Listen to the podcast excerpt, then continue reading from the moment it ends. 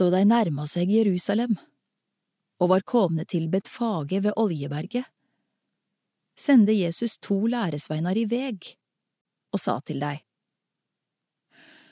Gå inn i den landsbyen som ligger framfor dykk. Der skal de straks finne eit esel som står bundet og har ein fole hos seg. Desse skal de løysa og leia til meg.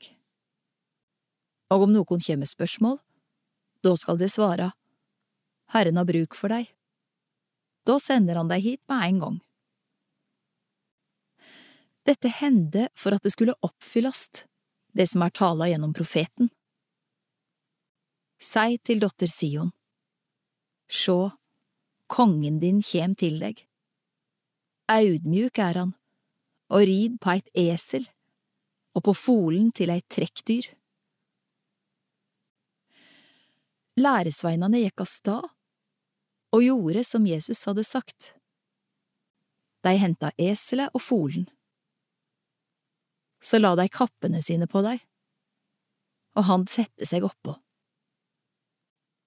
Mange i folkehopen breide kappene sine på vegen. Andre hogg greiner av trea og strødde på vegen. Og folket som gikk føre, og de som følgde etter, ropa Hosianna, Davids sønn, velsigna er han som kjem i Herrens navn, Hosianna i det høgste.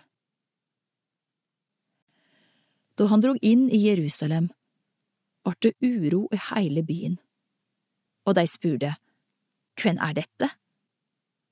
Og folkehopen svara, Det er profeten Jesus fra Nasaret i Galilea.